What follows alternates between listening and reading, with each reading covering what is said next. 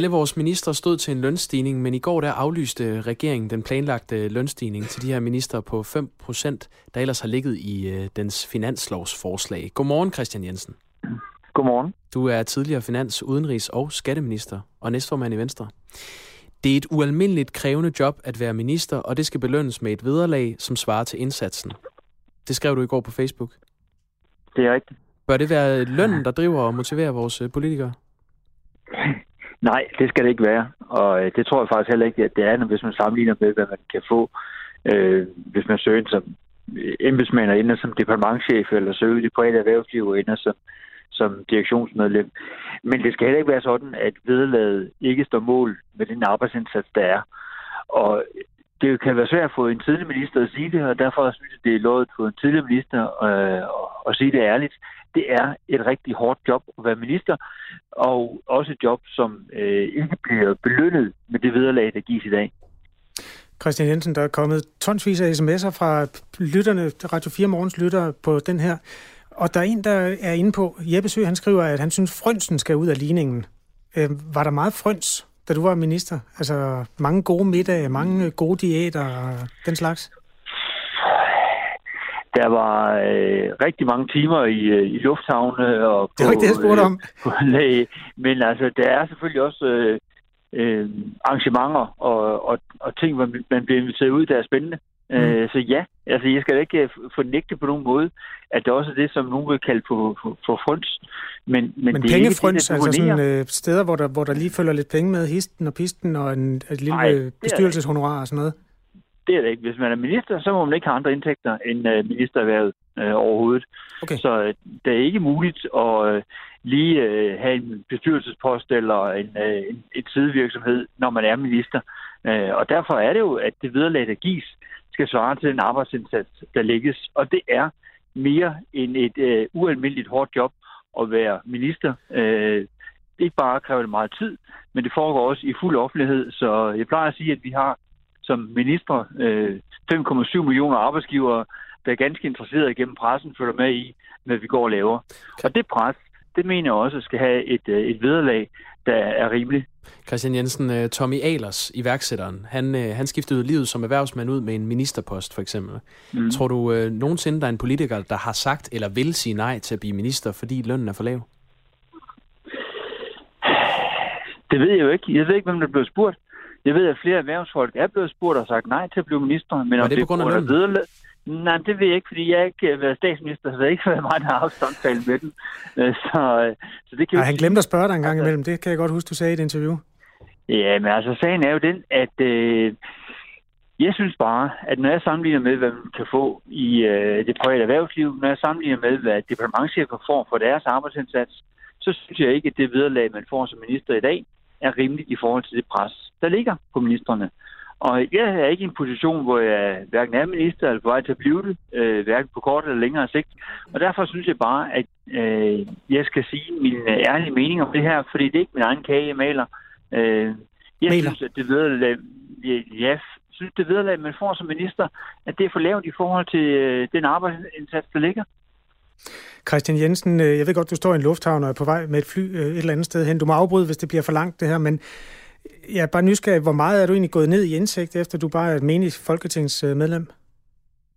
Det er sådan, at de første måneder efter man er stoppet som minister, der opretholder man øh, sin løn i en overgangsperiode, så PT er ikke gået ned. Men det er jo også, stolt... øh, det er jo også et, et, et gode, kan man sige, ikke? Jo, jeg kan så læse i en af dagens aviser, at den øh, afgåede øh, direktør i øh, Almindelig Brand, han øh, bevarer sin, sin løn, øh, tror jeg, to år øh, frem. Så det er jo ikke helt unormalt, at der er øh, det slags ordninger på, på, på toplederstillinger. Men sagen er jo den, at den dag jeg stopper, så vil min løn cirka blive halveret i forhold til at være finansminister. Du har jo også været bankassistent en gang, Christian Jensen. det er rigtigt. Ja. Det er, Synes du også, bankassistenter burde få mere løn? Jeg synes, bankassistenter skal have den løn, som deres arbejdsindsats øh, berettiger dem til.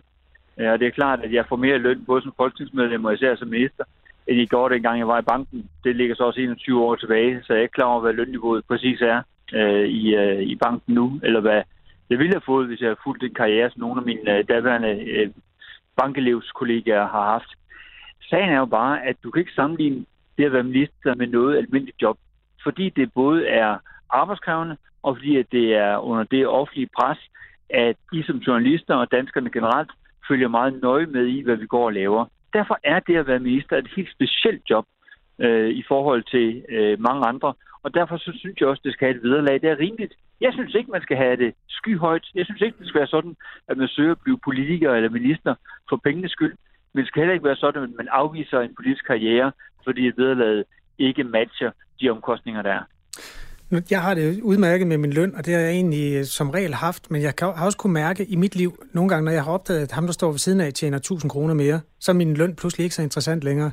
Er det ikke i virkeligheden den mekanisme, der også går i gang?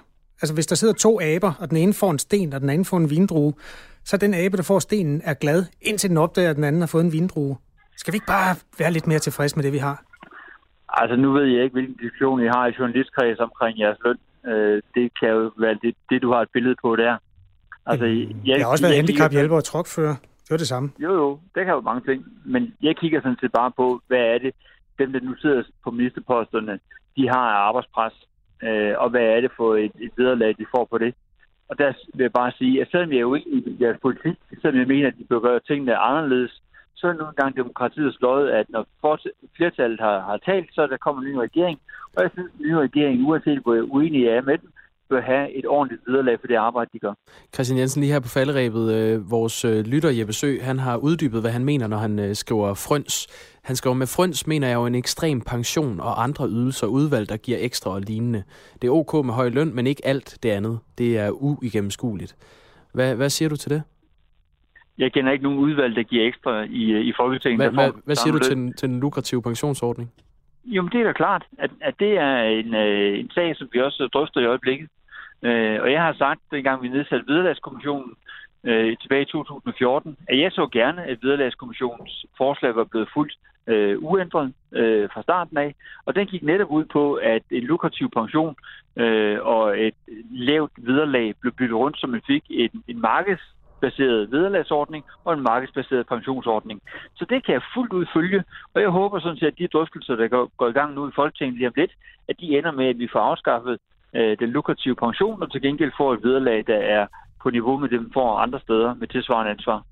Christian Jensen, medlem af Folketinget for Venstre og tidligere minister. Tak fordi du var med her. Selv tak. Det er godt. Godt. Hej. Hej. Hej. Jeg er, øh, for at sige det helt transparent, en lille smule tvivl om, hvor vi skal hen nu, Grosen. Kan du hjælpe med det? Jeg sætter en skiller på, og så synes jeg, at vi skal gå til en anmeldelse af en helt ny dansk film. Åh oh ja, fremragende idé.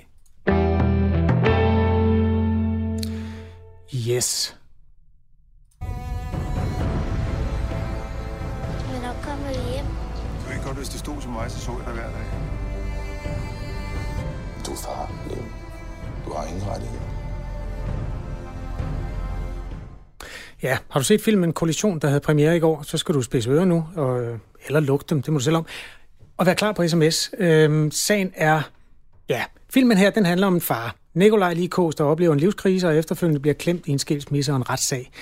Filmen har allerede fået lunkne anmeldelser. Den bliver beskyldt for at være... Undskyld. den bliver beskyldt for at være ensidig og øh, klichéfyldt og utroværdig i forhold til, at den skulle være inspireret af virkelige begivenheder. Nu er sagen den, at vi har... Jeg trykker lige på en knap herovre. Undskyld mig, kære lytter.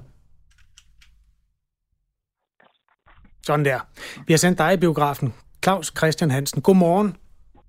Godmorgen. Familieretsadvokat, som har ført sager for både fædre og mødre i øh, den slags skilsmisser, som går op i en spids. Det har du gjort siden 2006.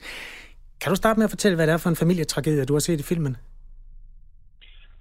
Ja, så det, som filmen handler om, det er jo en, en øh, velhavende familie, som består af, far og mor og tre børn, hvor det ældste barn, en søn, pludselig dør på grund af en sjælden øh, hjertefejl, som øh, familien ikke havde kendskab til. En rigtig tragisk situation, som man også siger, det værste, der kan ske, det er jo, hvis et barn dør før forældrene. Familien gav indtryk af, at den var velfungerende og harmonisk og ikke havde haft nogen større problemer, i hvert fald ikke økonomisk karakter. Derfor havde familien måske nok heller ikke en stor erfaring i at håndtere problemer om udgang, og der er nok ingen tvivl om, at familien kunne have behov for en krisepsykolog eller lignende.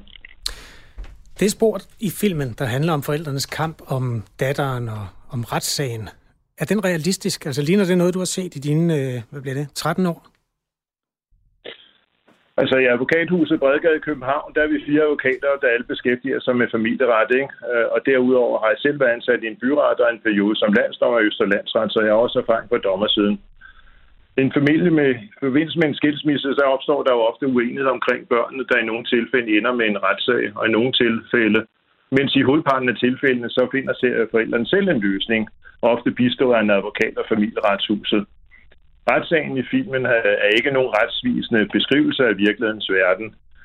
Retssagen efterlader indtryk af, at hvem af parterne, der har den mest smarte og snede advokat, der kan sige de rigtige ting.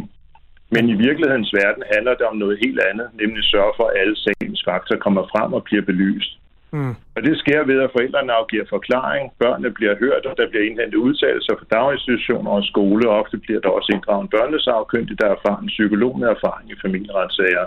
Alright. Jamen, jeg kan godt forstå, at det er kompliceret spil, men altså, film skal jo tegne, hvad skal man sige, den simple udgave af virkeligheden. Øh, I filmen, det siger Nikolas Bro, den dejlige skuespiller, som øh, spiller advokat for Nikolaj Likås. Han siger sådan her, du er far, du har ingen rettigheder. Sådan en meget øh, bombastisk replik. Og det er måske noget af det, der får blandt andet Berlingskes filmanmelder til at beskrive den her film som værende propaganda for foreningen Far. Altså, er der noget, noget rigtigt i det der med, du far, du har ingen rettigheder? Altså man kan så sige, at man nok nødt til at se lidt mere nuanceret på det. I første omgang er vi jo nødt til at tage, ud, tage udgangspunkt i, hvad står der egentlig i loven? Og i loven, øh, der er der ingen forskel på far eller mor. Der bruger man betegnelser som forældre, og ikke betegnelser som far og mor. Og i hovedparten af sagerne om børn øh, har udsagnet, far har ingen rettigheder og overhovedet ingen berettigelse. Jeg plejer ofte at bruge det billede om forældrenes relation til deres børn ved at sammenholde det med en bankbog eller opsparing. Jo mere man sætter ind, jo mere kan man trække ud. Hvis vi for eksempel har et forældre, der på øh, to børn på 6 og 8 år, så er det ofte sådan i hovedparten af sagerne, at mor har været mere på i forhold til børnene end far. Hvorfor hun også har en større opsparing og derfor også stillet bedre. Det forstod jeg ikke, det med opsparingen. Altså, det er altid damerne, der har den laveste pension, er det ikke? Nej, ikke opsparing. Det er i forhold til, hvor meget man har været på i forhold til børnene. Nå, det er den slags opsparing. Ja, undskyld, jeg ja. lige tabte tråden ja. i din forklaring. Ja, der. ja. Så jo mere man har været på i forhold til børnene, øh, jo mere har man jo også, øh, kan man så sige, at kunne gøre gældende den dag, at øh, parterne går hver øh, til sit. En del fædre, må man jo desværre øh, øh, erkende, har et lidt fortegnet billede af sig selv i forhold til børnene. De føler ofte selv, at de har været mere på, end de i realiteten har været tilfældet.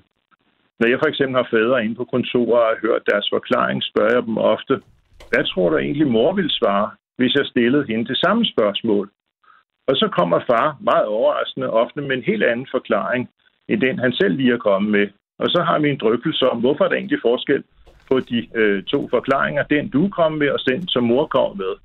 Hvor at øh, far jo så ofte øh, i en del tilfælde, hvor erkender, at det er nok mors forklaring, der er mere realistisk end den, som han selv kommer med, hvor hans forklaring måske i virkeligheden mere, kan man så sige, en ønskeverden, som han godt kunne have tænkt sig at være. Så er der et mindretal af sagerne, der hvor forældrene har været lige meget på, altså jævnfør mit eksempel før med opsparingen. Øh, og der, øh, altså det kan for eksempel være et lærerpar eller nogle pædagoger osv., de har delt alt fuldstændig lige, delt hverdagen op, været lige meget på i forhold til børnene. Der kan der godt være en tendens til, at sagerne falder ud til fordel øh, for moren. Øh, I de her tilfælde, der skal faren ofte, også ofte komme med sådan, kan man så sige, lidt ekstra hvis at han skal øh, vinde sagen i forhold til mor.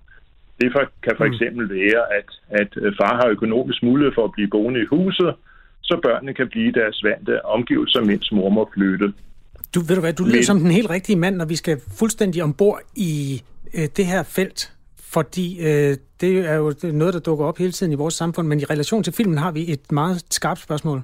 Nå, men jeg vil egentlig bare høre dig, øh, Claus Christian Hansen, familieretsadvokat. Du lyder jo sådan ret kritisk over for det her billede, som, øh, som filmen tegner. Hvor mange stjerner vil du give den? Nå, men jeg vil sådan set give den øh, øh, op, op i de absolut øvre karakterer. Altså, jeg synes, det er en rigtig... Øh, øh, velskrevet øh, historie. Jeg synes, at det er nogle fantastiske skuespillerpræstationer. Øh, ikke mindst øh, Nikolaj Likos, som jo i forvejen er en meget sympatisk øh, skuespiller. han gør det også ganske fremragende. Og det, og det er så, så som... Sige, og en ting, jeg godt lige vil tage på, der er rigtig mange, øh, kan man så sige, billedsekvenser i filmen, hvor der virkelig skrues ind på detaljer med den, der hvem kigger på hvem, og, og, og man kan se, at der er tårer i øjnene osv.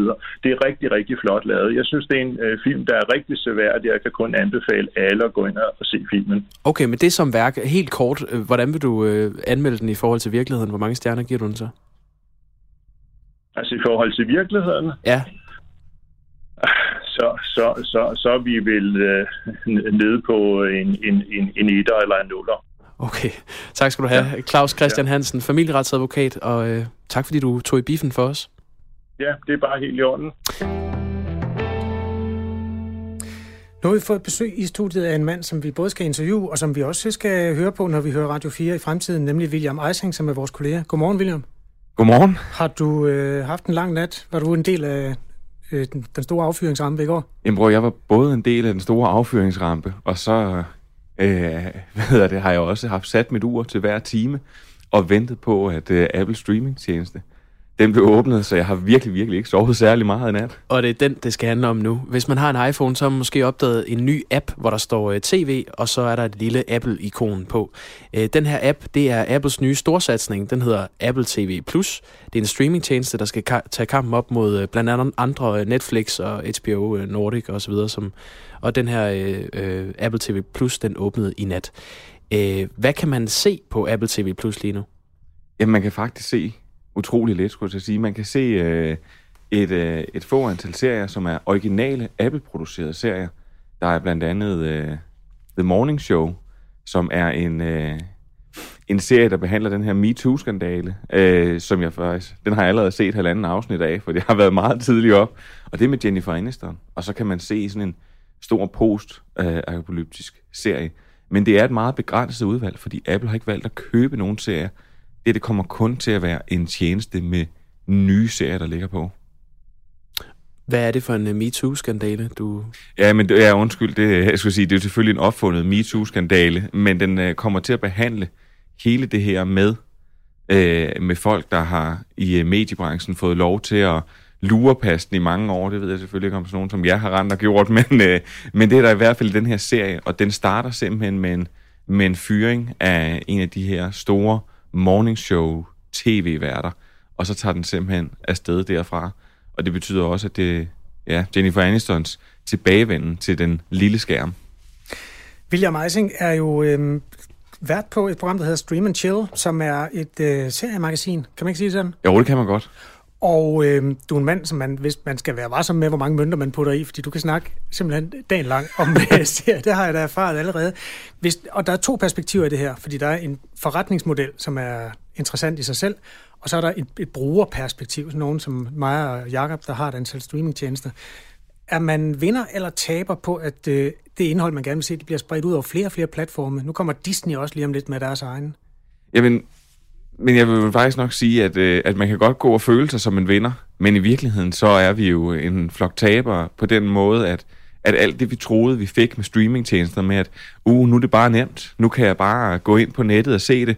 Øh, vi fatter jo ikke, at vi er fanget i, en, øh, i den samme omgang kabel-tv øh, og parabolshow, som vi var.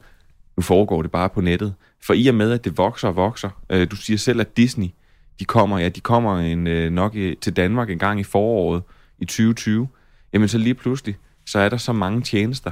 Skal man have dem alle sammen? Skal man bare have nogen af dem? Så føler man, at man går glip af et eller andet og sådan noget. Så det her med indholdet bliver spredt ud. Vi får noget fuldstændig unikt øh, indhold, og vi lever virkelig i the golden age of television. Øh, og det bliver bare vildere og vildere og vildere. Men, men, men, men vi taber lidt i den her kamp her.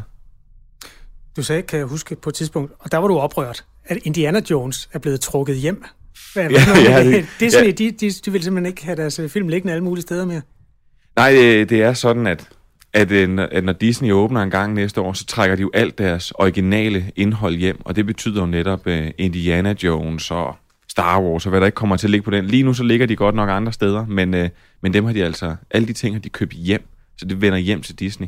Så hvordan skal man kunne leve uden den? Ja, hvordan kan man leve uden Indiana Jones? Altså, det er jo en kamp på indhold, kan man sige. Men nu, øh, for at vende tilbage til Apple TV+, ikke? det er jo en, Apple er en kæmpe tech-gigant. Ja. De har iPhones, de har øh, iWatches, de har tablets, de har computer, de har alt muligt, you name it. Hvor mange penge har de smidt i den her streamingtjeneste? Hvor kampklar er de? De er ekstremt kampklare. De har smidt øh, 6 milliarder dollars i som deres budget her øh, til at løbe dem i gang. Øh, jeg ved, der sidder en ude på den anden side af glasset og bliver rigtig vred, når jeg sammenligner med en storebæltsbro. Det må man jo ikke, men det er, det er faktisk prisen for en storebæltsbro, plus lidt mere. Øh, det er bare til at lave serier for. Og de serier, de laver, de har et budget, der er så kolo enormt store. Altså, øh, nu nævnte jeg Sia The Morning Show. Øh, hver gang der er lavet halvanden afsnit af det, så er de brændt hele budgettet for, øh, for 1864, den dyreste serie, vi nogensinde har produceret i Danmark. Ole Bornedals ja. serie, ja. Det, det, er så, det er så vanvittigt, og, øh, og det ser så imponerende, og det er så flot, og det er virkelig noget fedt indhold, vi får. Men, men jeg vil sige, vi, vi, vi kommer også til at betale for, for det, fordi nu er det endnu en tjeneste, vi skal have. Mm. Det der med at putte mange penge i serier, altså bliver det egentlig bedre af det? Jeg tænker her blandt andet på, at uh, Game of Thrones sidste sæson var noget af det dyreste, der nogensinde har lavet, og det er også noget af det ringeste, der nogensinde har lavet. Ja, ved du hvad, det er jeg glad for, at du siger, fordi det er, øh, jeg kan huske min kæreste, jeg vi sad og kiggede på hinanden, og så, så siger hun til mig, hvor hun er, hun, det smitter jo af på hende, siger hun, er det virkelig det, man får for 15 millioner dollars? og, det, og, og, og, og det er jo per det, der afsnit. er... Ja, per afsnit. Øh, og, og det er ikke altid, at øh, mange penge er godt, og det er ikke altid, at, øh, at det gør noget. Men, men, men her må jeg bare sige, at for eksempel The Morning Show, jeg er indtil videre er faktisk ret imponeret, fordi det er et klassisk tv-drama. Og når man hælder så mange penge i klassisk tv-drama, jamen, så bliver det i hvert fald bare lidt godt. William Eising er altså vores kollega og driver den, øh, det, ja, det program, hedder det jo slet og ret, øh, radioprogram. Noget så gammeldags som et radioprogram, der hedder Stream and Chill. Hvornår er det nu, det kommer, William? Jeg kan simpelthen ikke øh, sende pladen i hovedet. Nej, ja, det er jeg virkelig skuffet over. Men det kommer øh, hver torsdag øh, kl. 18.05. Og så kan man også lytte til det om lørdagen. Der tror jeg faktisk, det kommer 16.05. Har du overvejet at lave en streamingtjeneste, hvor man eventuelt kan, kan hente det som podcast? Eller... Øh, ja, men der er, man, jeg tænker bare, man kan hente det som podcast kan, øh, på, øh, på alle de steder, hvor man nu henter podcast. Men det kunne da være, at jeg skulle lave min egen streamingtjeneste, ligesom go with the flow, så... Der skal bare nogle penge i, du. Der skal flere streamingtjenester, ja. det er det. Men indtil videre, så ligger det både i Radio 4's app, når du har sendt, og så ligger det jo også på øh, iTunes. Det er jeg glad for, at du fortæller mig. Så øh, ved jeg, hvad jeg skal fortælle mine forældre. Værsgo. William Eising, uh, serienørd og vært på Stream Chill. Tak for det. Kasper, vi har fået en sms. Læs den. Det er fra Martin fra Djævløen igen, og det er altså Martin, der selv skriver, at han er fra Djævløen. Det er ikke os, der står og laver øh, jyde bingo her. Han skriver, Nå, jeg skulle allerede ved at vende mig til jer, Martin fra Djævløen. Og det er altså på en morgen, hvor vi har stået og sunget sange fra højskolesangbogen. Det var, noget, det var det værste mareridt hos uh, Twitter Danmark, som allerede er blevet til virkelighed i Radio 4's morgen. Uh, er der flere sms'er, vi skal have? Der er lidt... Ja, vi, vi kan tage den her. Uh, den hedder... Uh, Gud fri mit halve liv, hvor er det kedelig erstatningsradio efter det politiske mor på 24-7. Men det er sikkert interessant for oceanere. I skal være glade for, at I får stort tilskud for lyttere, bliver der næppe mange af. Det er irriterende, at jeg og mange andre nu skal skifte kanalfrekvenser på alle mine radioer. Trist, trist, trist. Med venlig hilsen, Ole. Og en venlig hilsen, dog. Ja, tak Ole. Og øhm, ja, det er jo altså name of the game, at hvis man har en radio, så skal man selv lige gå hen til den, hvis man vil høre et andet program. Vi er meget glade for, at der er mennesker, der har øh, tunet ind på den her, og som sagt kan man også høre os på, ja, både på nettet, radio4.dk, og man kan også finde os øh, i den app, der hedder Radio 4. Der er en, der spørger, hvor er den henne? Jamen, den hedder altså bare Radio 4, og der er ikke noget mellemrum mellem Radio og 4. Nej, og det er nok der, det, øh, det går galt, fordi den kommer frem, hvis du øh, bare skriver Radio 4 ud i en køre. Så det skal man gøre. Vi kan godt nå en sms mere. Øh, per, han står og trækker luft ind til at lukke nyheder ud lige om lidt. Det er fra David. Han skriver, hej godmorgen. Kasper Jakob, håber jeg har stavet navnene rigtigt. Det har du ikke. Kasper med K. øh, tillykke, og held og lykke med Radio 4. I er bare svære at starte på jeres hjemmeside, og derfor har jeg hentet jeres app. Og den starter med det samme, så snart man åbner. Ja, og sådan skal det være. Og fedt, at den starter selv, og lad for guldskyld være med at lade Lav det om. Lav det om, ja. ja. Keep up the good work. I kører sgu, efter min mening, langt bedre end 24-7. Øh, til tider synes jeg, at nogle af jeres værter lød som om, de var på et eller andet trip. Det var deres værter. Nå, det 24-7's værter. Okay. Nå, jeg står ja. lige så over skulderen her, Kasper. Jamen, gør det bare. Ja. Okay.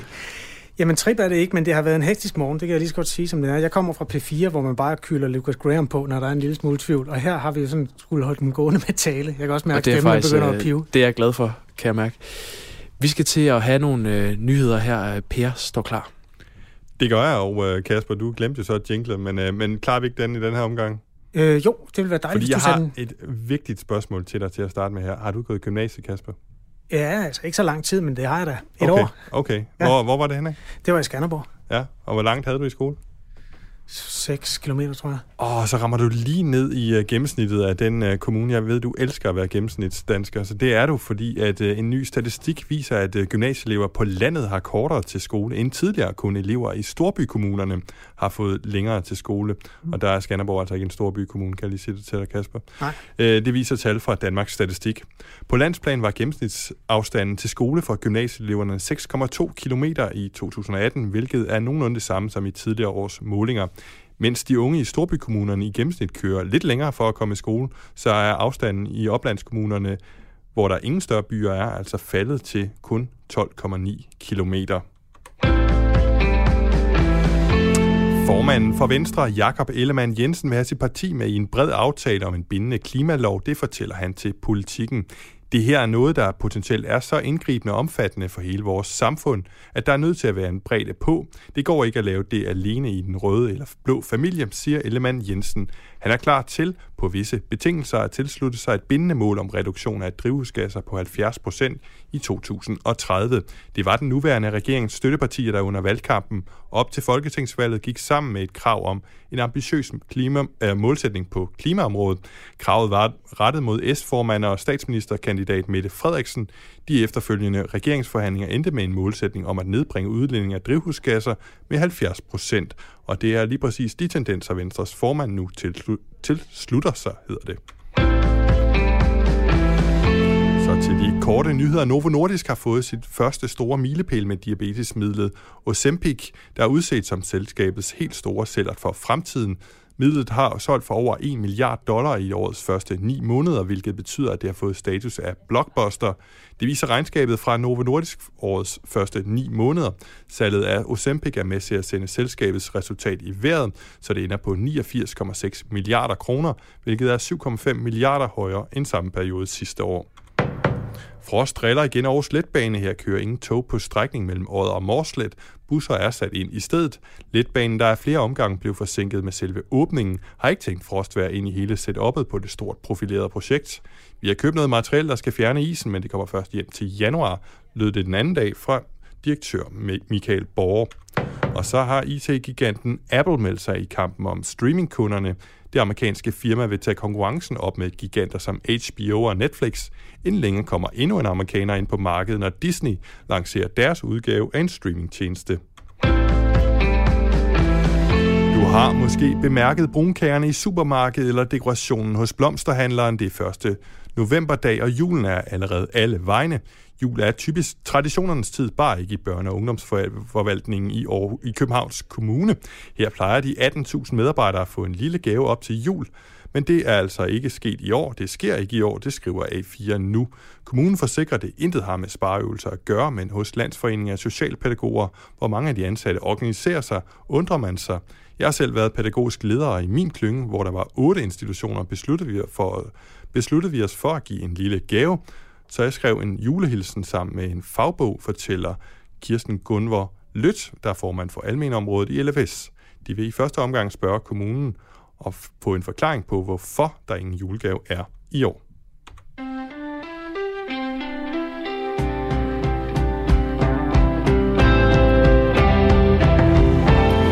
Per Winkel er, eller Koldstrup Winkel, hvis det skal sandheden skal frem, er nyhedsvært på Radio 4 den her morgen, som er vores første morgen. Vi er glade for, at du har tændt for den her radiostation, som kommer til at leve i Danmark i 8 år. Mænd er for dårlige til at tale sammen. Tre fjerdedele af alle selvmord begås af mænd, og nogle af de hyppigste årsager er ensomhed og økonomiske eller psykiske problemer. Det er et problem, som Asger Møller, som vi havde besøg af tidligere, øh, der bor ved Langesø på Djursland, han vil gøre noget ved. Han er håndværker og terapeut, og så har han sat sig for at hjælpe mænd til at blive bedre til at tale sammen. Han holder sådan nogle mandekurser, som, øh, som vi også beskæftigede os med øh, tidligere på morgen, hvor, øh, hvor vi havde Mads på 25 og Jesper på 51, som er en del af det her kursus. Dem havde vi med i studiet. Men det han gør, Asger Møller, det er, at han inviterer dem ud i sin sauna for at diskutere, hvordan man er mand i dag. Og øh, der har Radio 4's reporter Jais Nørgaard været med. Samtalen den skal handle om porno. Det er nemlig noget, øh, som de fleste ser, men som kun få faktisk vil stå ved, mener han. Men øh, først, så skal de i vandet.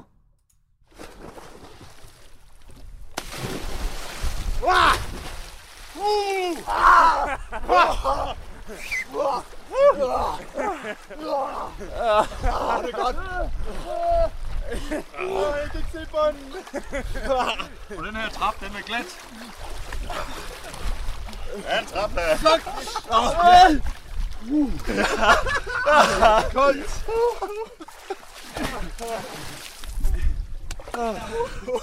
Nøj, det er koldt. Det er, slet, det, er jo ikke, det er jo slet ikke koldt endnu. Jo, to centimeter. To... Ah, den tager sgu større end det. Nøj. Så. Ind og luk døren. Skynd jer at lukke døren. Vent på mig. Skynd jer at lukke døren. Men det gider vi jo op på, det bygger egen, gør vi ikke? Jo. Ah. Ej, Prøv at høre, for nu tændte den over, ikke? Kan I godt mærke det, ikke? Ja, ja, ja. Bare roligt. Kan I dufte af lidt... Uh... Ja, det er skønt. Lidt mønte, lidt, lidt mønte af eukalyptus. Det er super.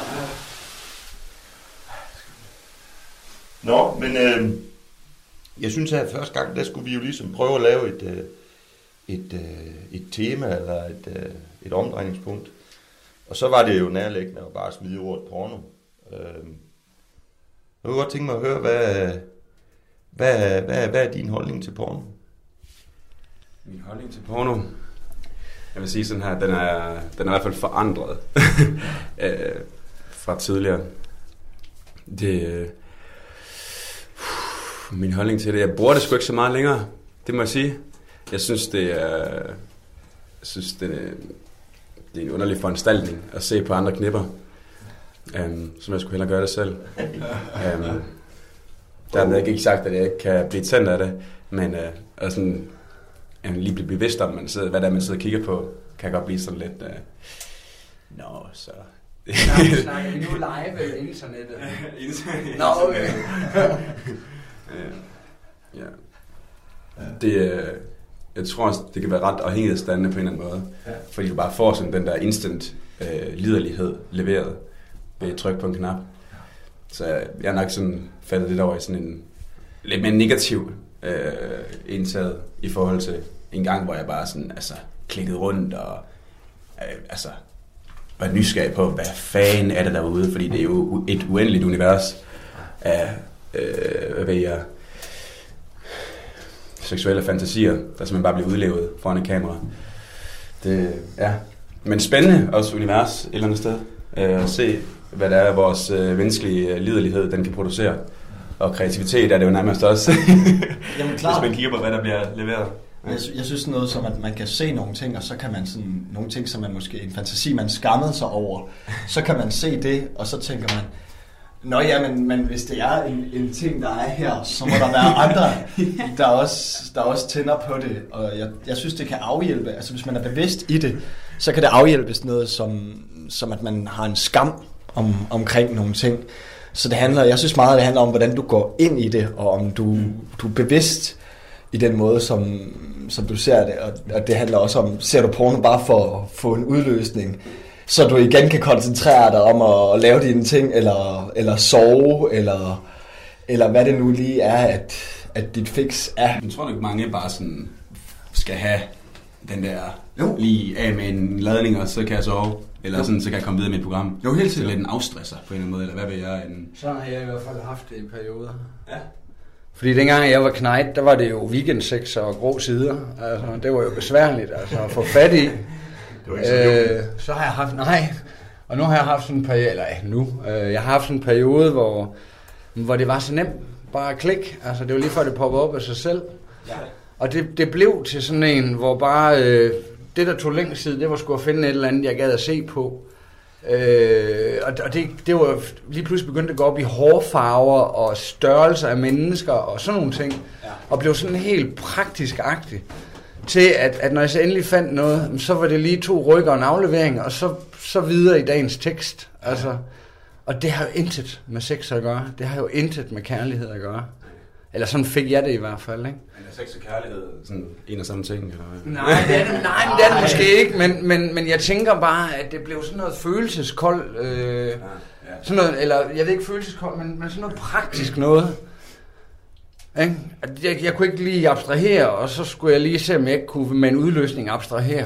Mm, ja. Og så kom videre i dagens tekst, netop som, som du nævner, Christian, ikke? At, at videre. Jamen det er jo det, og, og, får vi vores, altså får vi vores udløsning, jamen så er det nemmere for os at, at, at sådan blive sådan, uh, ja. få en lille smule faktisk hangover, som man gør af at få en, ja. få en udløsning. Få en lille smule hvad, siger du? Hangover. Altså, okay, okay, du får, okay, du får simpelthen tømmermænd af, at du, du hiver så meget energi ud, som du gør ved at få en udløsning. Wow. Er det sådan, man kan få en helt uh, antiklimaks, eller sådan en helt... Uh øh, hvad hedder det, når man får moralske tømmermænd? Eller? Ja, altså jeg hører mange, der sådan har set på noget porno, og så bliver sådan, ja, og når de så er kommet, så er de sådan, nej, ad, hvad er det dog, jeg har set på? øh, det, må, det må jo helst ikke være sådan, så man sidder og ser på noget, og så et øjeblik efter, så synes man simpelthen, at det her, det er så, så ulækkert. Jeg er ved at dø. Du er ved at dø. Jamen altså... Så lad os komme ud igen. Kold vand. Ud og blive lagt til levelse. Det var sagt, man er hurtig. Ja, men du sætter også lige i døren der og får lidt kulde. Ah. Man kan også gå herud, ikke? Jamen, jeg tror ikke engang, jeg skal blive så kold igen. Må jeg læse en sms? Det første, jeg vil ja, have varmen. Godmorgen Aarhus. Uh, I har næsten lige fået senderen, og I starter allerede ud med fissesnak. Jeg er kæmpe fan. ja, undskyld. Ja, værsgo. Uh, hele historien om Asger og hans sauna, den kan du høre øh, mandag den 3. november, hvor den her reportage den bliver sendt her på kanalen i fuld længde. Nu skal vi mildest til noget andet. I voldssager, der bør gerningsmanden ikke kunne straffes med samfundstjeneste. Straffen skal som udgangspunkt være en ubetinget tur ind bag træmmer. Så lyder et nyt forslag fra regeringen, som skal til første behandling i Folketingssalen i dag. Og kravet fra regeringens side er altså, at det skal gælde i sager om simpel vold, om grov vold, hvor gerningsmanden er tidligere dømt for vold, og øh, hvor offeret har været særligt værveløst, eller hvor skaderne har været betydelige. Det er sådan et forslag, der vækker kritik hos øh, støttepartierne. De synes, at øh, regeringen bør trække det her forslag tilbage. Blandt andet radikale kalder det stærkt uheldigt. Det her det er retsordfører Christian Hegård. Hvis vi så bare siger, her skal der gives ubetinget fængsel, så kan det bare fortsætte sådan med alle mulige andre forbrydelser. Og lige pludselig, så har domstolene mindre skulle have sagt, og så er det politikerne, der på forhånd dikterer, hvilken straf der bliver givet. Ja, sådan siger øh, Christian Hegård fra øh, Radikale Venstre retsordfører. Godmorgen Jeppe Brugs, retsordfører for Socialdemokratiet. Godmorgen. Hvorfor skal politikerne bestemme, hvordan dommerne skal dømme?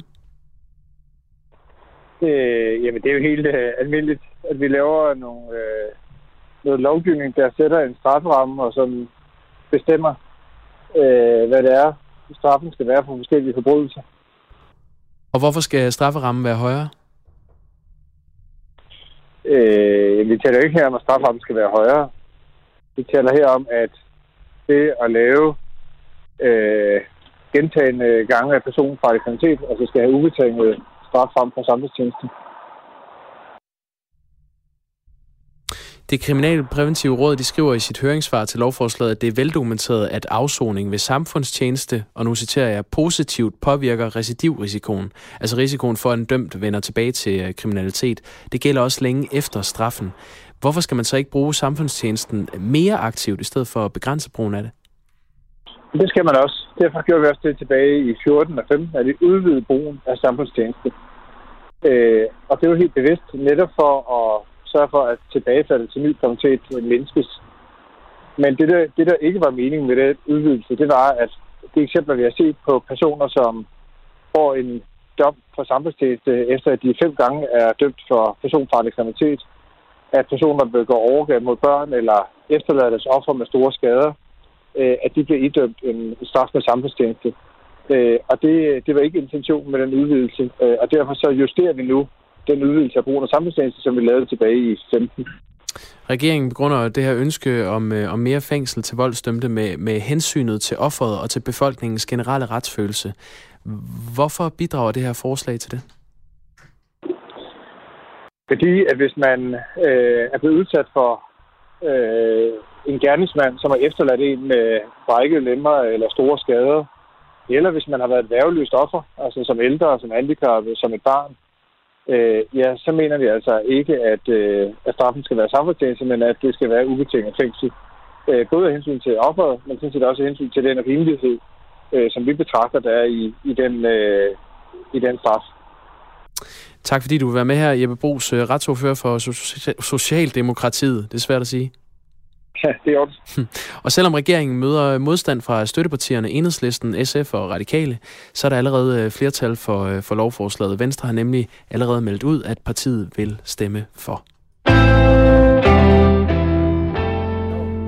Der var godt med saft og kraft på den skiller der. Der er nogle gange, de bliver lidt høje. Det er der også flere af vores lyttere, der skriver i sms'er. Det er rigtigt.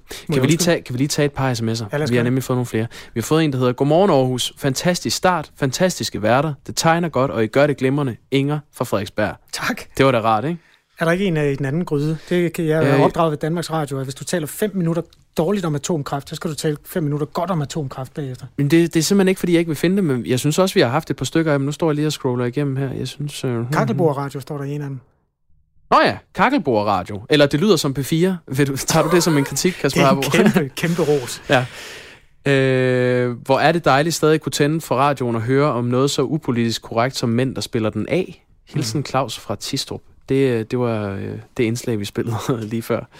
Der er også et øh, stykke post fra Vie, der skriver, kommer der noget, der svarer til Millionærklubben? Jeg håber det, ellers må I starte det. Og der er vi over i sendeplanen, som øh, ligger på Radio 4's hjemmeside, og jeg kan godt lige citere lidt fra den. Vi har ikke decideret noget, der retter sig øh, mod aktionærer, sådan ligesom Millionærklubben gjorde.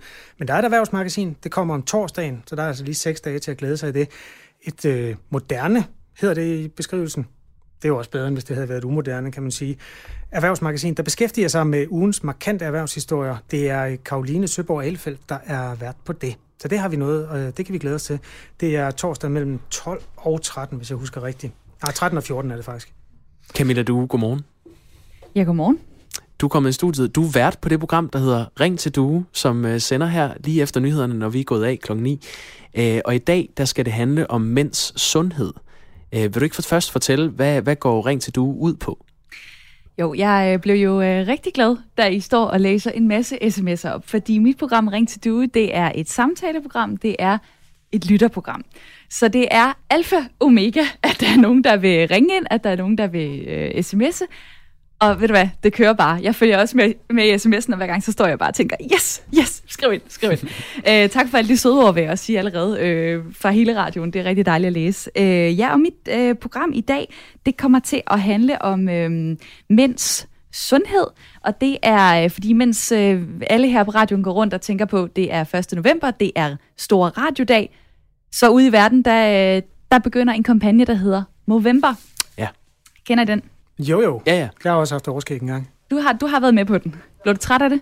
Nej, det, er bare, det var rødt, og det var, øh, og ikke for at sige noget dårligt om de røde Og nu er det men, gråt. Ja, men det er også med et par år siden, Camilla. tak fordi du siger det. Altså, Movember, det, det begyndte øh, jo som den her kampagne, øh, som handlede om, at man skulle gøre opmærksom på prostatakræft ved at gro et overskæg. Nu øh, er det drejet over på generelt at handle om mænds sundhed, og det er øh, det, jeg ligesom tager op. Hvorfor er det, at øh, mænd har dårligere sundhed? Hvorfor er det, at de ikke får gået til lægen? Og det håber jeg så på, at øh, der er nogle lyttere, der vil tale med om. Og allerede nu, der kan man jo sende en sms, hvis man har nogle erfaringer med det. Og det kan være, hvis man er rigtig god til at komme afsted til lægen, eller man aldrig får det gjort. Og I, øh, I kender jo nummeret. Kan I ikke lige sige det? Vil du, Kasper? Nej, jeg tror, det er bedre, det Du trækker luft ind? Ja, ja, jeg gør det. Man skriver ind på øh, 1424, og så starter man sin besked med R4, og så skriver man sin kommentar. Lige præcis. Ja, det kan du gøre allerede nu. Du kan også øh, ringe til mig. Øh, det hedder jo Ring til Du, og øh, nummeret det er 72 30 44 44. Det er så nemt. 72 30 44 44. Er det den telefon, der står ved siden af mig, der begynder at bimle så? Fordi det, det oplevede vi i går. er det rigtigt? ja, det var en stort øjeblik faktisk. Der var en lytter, der ringede ind på hovednummeret og blev stillet ind i vores studie. Jeg vil lige sige, da, da jeg gik øh, hjem til midnat, der mødte jeg vores første lytter. Han havde øh, lyttet med øh, omkring midnat, og så ville han lige ned og, øh, og se, hvordan vi så ud. Så lige nede foran hoveddøren, der stod vores allerførste lytter lige efter midnat. Det er fornemt. Og du har så også talt med en, Kasper. Det kører bare. Vi har lytter, yes. Ja, det er vi simpelthen ja. så glade for. Tusind og tak, det, fordi du tændt. Det har vi også 905, øh, når vi sender ring til du. Tak for det, Camilla. Ja, øh, vi skal lige gøre en ting færdig, fordi vi har brugt øh, noget af morgenen på at ja, dels at prøve at komme igennem til USA. Det var vores første knap så succesfulde oplevelse sammen, hvor vi gik øh, ombord i en Trump-tilhænger per telefon og en Trump-modstander per telefon, og ingen af dem kunne faktisk øh, høre, hvad vi sagde. Så derfor blev belysningen af den forestående rigsretsundersøgelse af præsident Donald Trumps øh, angivelige øh, studhandler med Ukraine, den blev simpelthen, øh, det, det, det, luften gik noget ud af det. Men for at blæse, øh, hvad skal man sige, blæse historien sådan ordentligt op og få den belyst rigtigt, så har vi fået besøg af Stine Krohmann Dragsted, som er vores kollega, som i øvrigt også skal optræde som morgenvært hver anden uge. Hej Stine. Hej Kasper. Åh, altså, jeg tror, vi skal have klippet igen. Nu får du det i fuld længde, så må du forklare, hvad det er, vi hører. What is at stake in all of this is nothing less than our democracy. They are trying to impeach the President of the United States less than 13 months before an election. Ja, oversæt lige. Ja, altså, du troede, nu skulle vi høre hammeren falde, for det var det, vi hørte øh, tidligere morges. Men mm. det, vi hører her, det er faktisk lige efter, at hammeren faldt. Der var en afstemning i går, og det som Nancy Pelosi, som jo altså er demokraternes leder i det, vi kalder repræsentanternes hus i kongressen, det hun siger, det er, denne her afstemning, den handler om det amerikanske demokrati, som er i fare, og så hører vi bagefter, hvad vi godt kan kalde Pelosi's modsætning i øh, huset. Det, han, er, han hedder Jim Jordan, han er republikaner, og han siger, det her det er et udemokratisk forsøg på at vælte præsident Trump bare 13 måneder inden, at der er præsidentvalg. Det er et meget godt billede på, hvor splittet det amerikanske samfund er lige nu, hvor at man er klar til, hvor demokraterne altså i går stemte for, at nu vil man få åbne kameraer, nu skal hele befolkningen kunne sidde og se vidner blive afhørt øhm, i den her undersøgelse, hvor demokraterne altså beskylder Trump for at have misbrugt sin magt ved at afpresse Ukraines præsident for at finde snavs på sin politiske modstand. Når du fulgt USA's, øh, eller amerikansk politik i rigtig mange år. Altså jeg kan huske, der var en undersøgelse om øh, Bill Clinton, og, og, og på det tidspunkt, der tror jeg også, at der var mange demokrater, der synes at det var et udemokratisk forsøg på, at øh, og så videre, og så videre. Altså, er, er det her øh, egentlig bare sådan en skueproces og rød mod blå, som det altid er i Amerika? Det er jo det, at som republikanerne, både i kongressen, men også de republikanske vælgere siger, fordi det de siger, det er, at vi ved godt lige nu, at vi har senatet, vi har, altså republikanerne har et flertal i senatet, der skal det, der hedder et to tredjedels flertal, altså et meget stort flertal i senatet til, for at man overhovedet kan afsætte præsidenten. Så hvorfor gør I det her, demokrater? I ved jo godt, I ikke kan afsætte ham. Så derfor siger man, det er en skueproces, og for øvrigt også, hvis I vil afsætte ham, jamen så gå til stemmeboksen, at folket afgør det her. Demokraterne, de siger jo så, jamen altså, vi har en forfatning, der siger, hvis en præsident... Nu skal jeg ligesom, jeg kan høre, ja, nu tror jeg igennem igen. Ja. Altså, at hvis en præsident, han misbruger sin ma- magt groft, mens han er i embedet, jamen, øh, så skal man have en, øh, en rigsretssag, og så skal man lægge alle beviserne frem for befolkningen, og så kan de jo afgøre det enten ved valget, eller hvis der kommer den her afstemning i senatet. Og nu øh, var du kort inde på det før, Stine, men hvad er det, for de lyttere, der ikke kender den her sag så godt, hvad er det helt konkret, demokraterne beskylder Trump for, siden de nu lader den her øh, rigsretsundersøgelse rulle med hele USA som publikum? Ja, det som demokraterne beskylder præsident Trump for, det er simpelthen at misbruge sin magt for egen politisk skyld, og det skulle han have gjort ved at tilbageholde næsten 400 milliarder amerikanske dollars i militærbistand til USA's allierede, for også vores allierede, Ukraine, og så har sagt til Ukraines præsident, prøv at høre her, du skal lige hjælpe mig med at finde noget snavs på min politiske modstander. Det er nemlig Joe Biden, den tidligere vicepræsident, som stiller op til præsidentvalget i 2020. Trump vil gerne have Ukraines præsident til lige at finde noget snavs på ham. Og indtil du har gjort det, så får du altså ikke den her militærbistand. Sådan lyder anklagen. Trump han siger, det var, der var slet ikke noget for noget i det her. Altså det, det, at vi holdt militærbestanden tilbage, det havde ikke noget at gøre med, at jeg talte med Ukraines præsident om, at hvad Trump siger, at Joe Biden og hans søn for øvrigt har gjort noget, der er ulovligt. Så beskyldningerne, de fyrer begge veje. Nu, nu fik du sagt 400 milliarder, det er 400 millioner dollars, ikke? 400 millioner dollars tilbageholdt angiveligt. Ja. i militærbistand, ja. som kongressen havde stemt igennem. Så kommer 4 milliarder kroner spørgsmålet. Kan Trump blive væltet af den her rigsretssag? Og det helt korte svar, det er ja. Det kan han. øhm, men det kan han kun, hvis demokraterne de overbeviser de republikanske senatorer, som jo sidste ende skal stemme sammen med dem, om at øh, Trump altså har begået øh, groft magtmisbrug. Og de her senatorer, de republikanske senatorer, de vil kun blive overbevist, hvis de kan mærke, at vælgerne, dem som indtil videre har været Trumps vælgere, hvis de begynder at tvivle på præsidenten. Hvis nogle af de her vidner, vi nu kommer til at høre, skal komme frem med beviser, hvor hele befolkningen føler, ej, der er alligevel noget at komme efter, man ved aldrig, hvad der sker i amerikansk politik. Indtil videre, så har vi haft et lojalt bagland af vælgere, der bakker op om Trump, mm. men man kan aldrig vide. Så det hele lige nu, det afhænger af, hvor går folkestemningen hen. Det er en politisk afgørelse, det her, og politikerne, de vil lytte til deres vælgere. Det er ikke noget nyt, at øh, demokrater og republikanere, de synes det modsatte af hinanden. Det har de gjort lige så længe, jeg kan huske i amerikansk politik. Synes du, at det er mere polariseret? Altså, når man går øh, ud og snakker med folk om politik, er det, er det så svært at føre en rolig samtale i en bar, for eksempel? Jamen, det er det i høj grad, og, og det, øh, de to amerikanere, vi skulle have haft igennem i morges, det var noget af det, øh, jeg talte med dem inden, og det var noget af det, som slog mig. Det eneste, de er enige om, det er, det er simpelthen så frygteligt, vi kan faktisk ikke tale om det her mere. Altså, at de føler, at den anden part er så vrede nu, at det er blevet sådan et betemt emne, at det kan man ikke tale om. Altså, vi hører jo, jeg har mødt et ægtepar, der simpelthen gik fra hinanden på grund af uenigheder om Trump. Altså, konen mente simpelthen ikke, hun kunne ikke leve med den her mand, hvis han støttede Trump. Så det er meget alvorligt. Men vi kan også sætte lidt tal på. Jeg synes faktisk, et tal, der viser meget godt, hvor stemningen er, og hvor alvorligt det er i USA lige nu, hvor dybt den her splittelse stikker, det er, hvis man spørger henholdsvis demokrater og republikanere, hvordan de ser på det andet parti, så har de før i tiden altid set på dem som nogle politiske modstandere, man skulle samarbejde med. Men nu, der siger et stort flertal fra begge fløje, at den anden fløj er ude på at undergrave deres land, deres demokrati. Så det er altså det er så skarpt, man står over for hinanden i hver sin grøftekant. Hilleland, verdens mægtigste land, er ved at revne over i to. Øh, Stine Krohmann Dragsted, det er heldigt, vi har fået nu eks, øh, ekspert. Ej, ekspert, det er, en, det er en beskyttet titel, men du er i hvert fald en rimelig køndig øh, kender af USA. USA-journalist ja, har jeg i hvert fald været indtil for nylig. og nu vært på Radio 4 morgen. Også det, det glæder jeg mig til. Fra næste uge. Jeg har lige fået en besked fra Sara. Øh, nu bliver det noget råd, øh, men vi kan lige så godt være transparent omkring det. Per, kom nærmere. Øh, nyhedsværts Per, han er, skal overtage min mikrofon.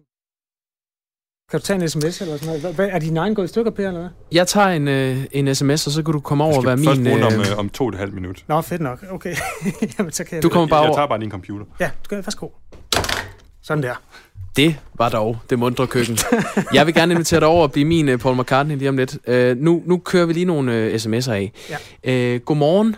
Meget mere af det, vi hører nu. Opsøgende journalistik. Tak. Det var der en, der skrev for tre minutter siden. Det, så det er den historie, vi lige har bragt om, uh, om Trump og rigsretssagen. Godmorgen. Nu har jeg hørt 20 minutter. Umiddelbart godt, men lov mig, at det ikke bliver stueren radio som P4 eller P1. Jamen, Jakob, du har været på P1, og jeg ja, har været, du har på, været P4. på P4. Det lyder ikke som P4, kan jeg afsløre allerede nu. Nej, jeg synes heller ikke, det lyder som P1. øhm, men lad os se, hvor vi får det hen.